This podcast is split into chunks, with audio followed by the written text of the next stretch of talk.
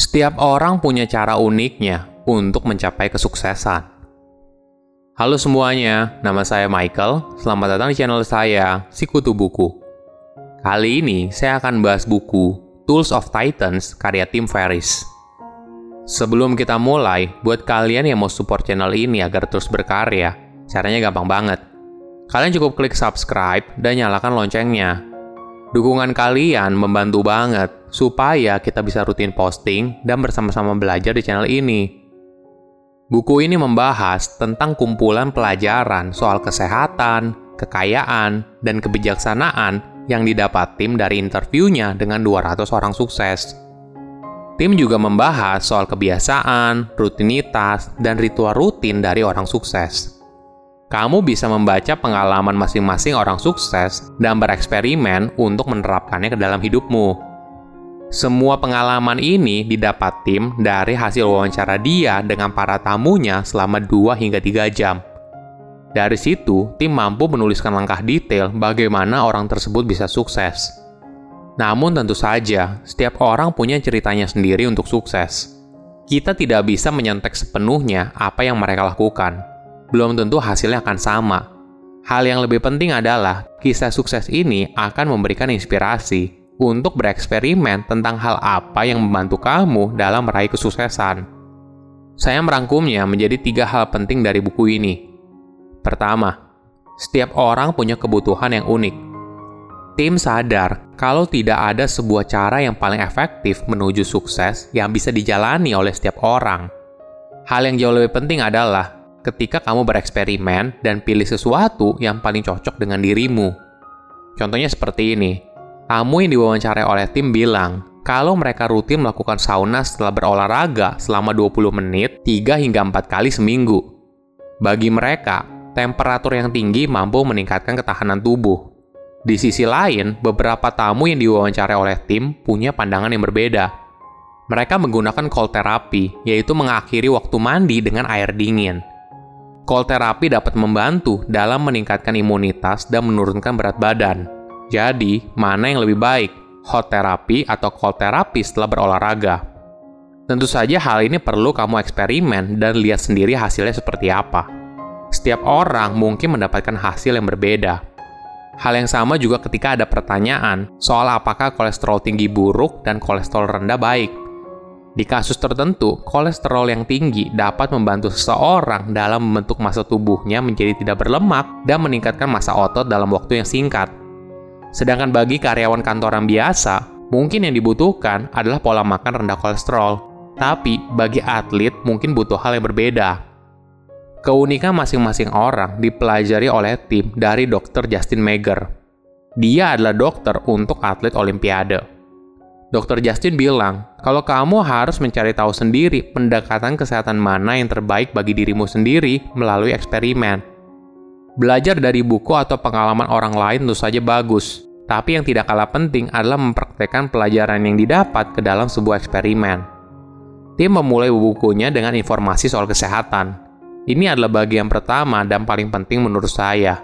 Kita tidak boleh membuat kesehatan sebagai komitmen 50%. Karena ketika hanya berkomitmen 50%, kita akan dengan mudah mengabaikannya.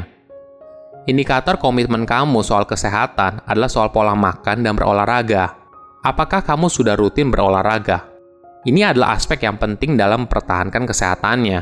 Namun, perlu disadari, dalam berolahraga kamu harus menemukan keseimbangannya.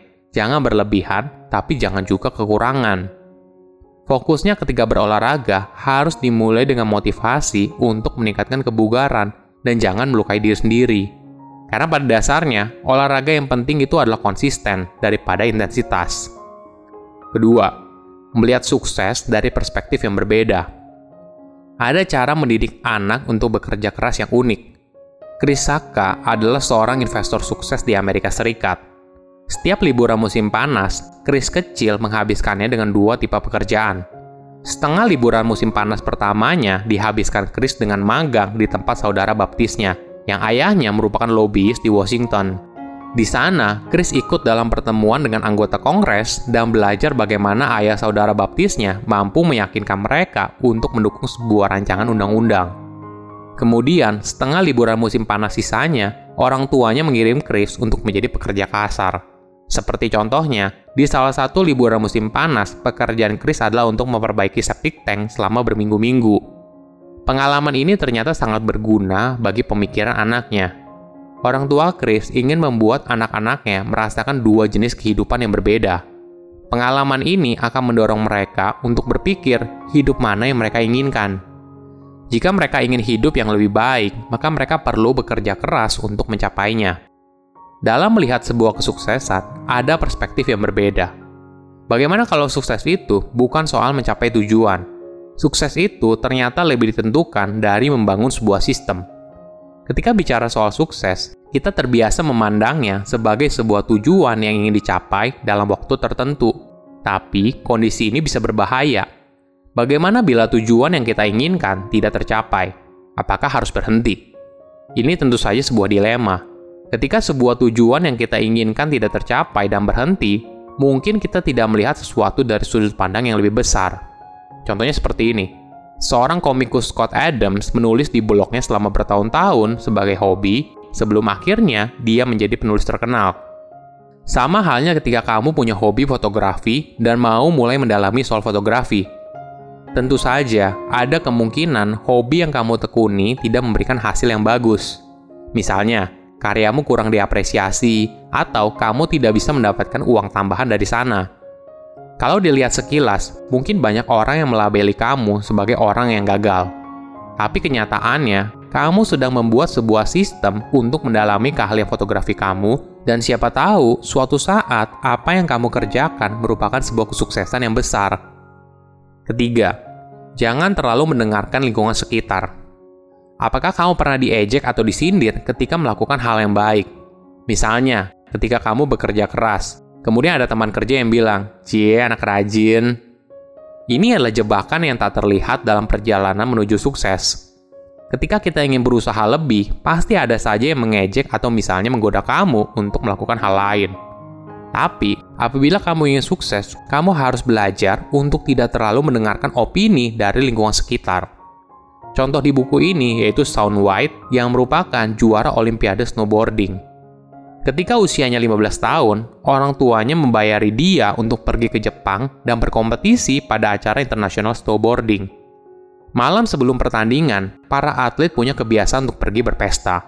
Inilah yang membuat para atlet ini menjadi tidak fokus pada pertandingan dan mereka bersekongkol untuk membagi hadiah kemenangannya. Shawn tidak mau ikut dengan atlet senior yang lain. Wajar saja, Shawn pergi ke Jepang dengan biaya orang tuanya, sedangkan atlet senior lain yang usianya lebih tua dibiayai oleh sponsor. Hasil pertandingan itu sudah diduga. Shawn akhirnya menang dan membawa pulang uang 50 ribu dolar sebagai hadiah. Dan akhirnya dia menjadi salah satu atlet terkenal di Amerika. Di sini ada pelajaran menarik. Kamu tidak bisa bertumbuh ketika kamu berenang mengikuti arus. Kamu hanya bisa bertumbuh ketika kamu melawan arus. Setiap orang punya jalannya sendiri dalam meraih kesuksesan. Kita bisa belajar dari pengalaman orang lain, tapi pada akhirnya kita harus bereksperimen sendiri dan memilih cara yang menurut kita paling cocok. Silahkan komen di kolom komentar pelajaran apa yang kalian dapat ketika baca buku ini. Selain itu, komen juga mau buku apa lagi yang saya review di video berikutnya. Saya undur diri, jangan lupa subscribe channel YouTube Sikutu Buku. Bye bye.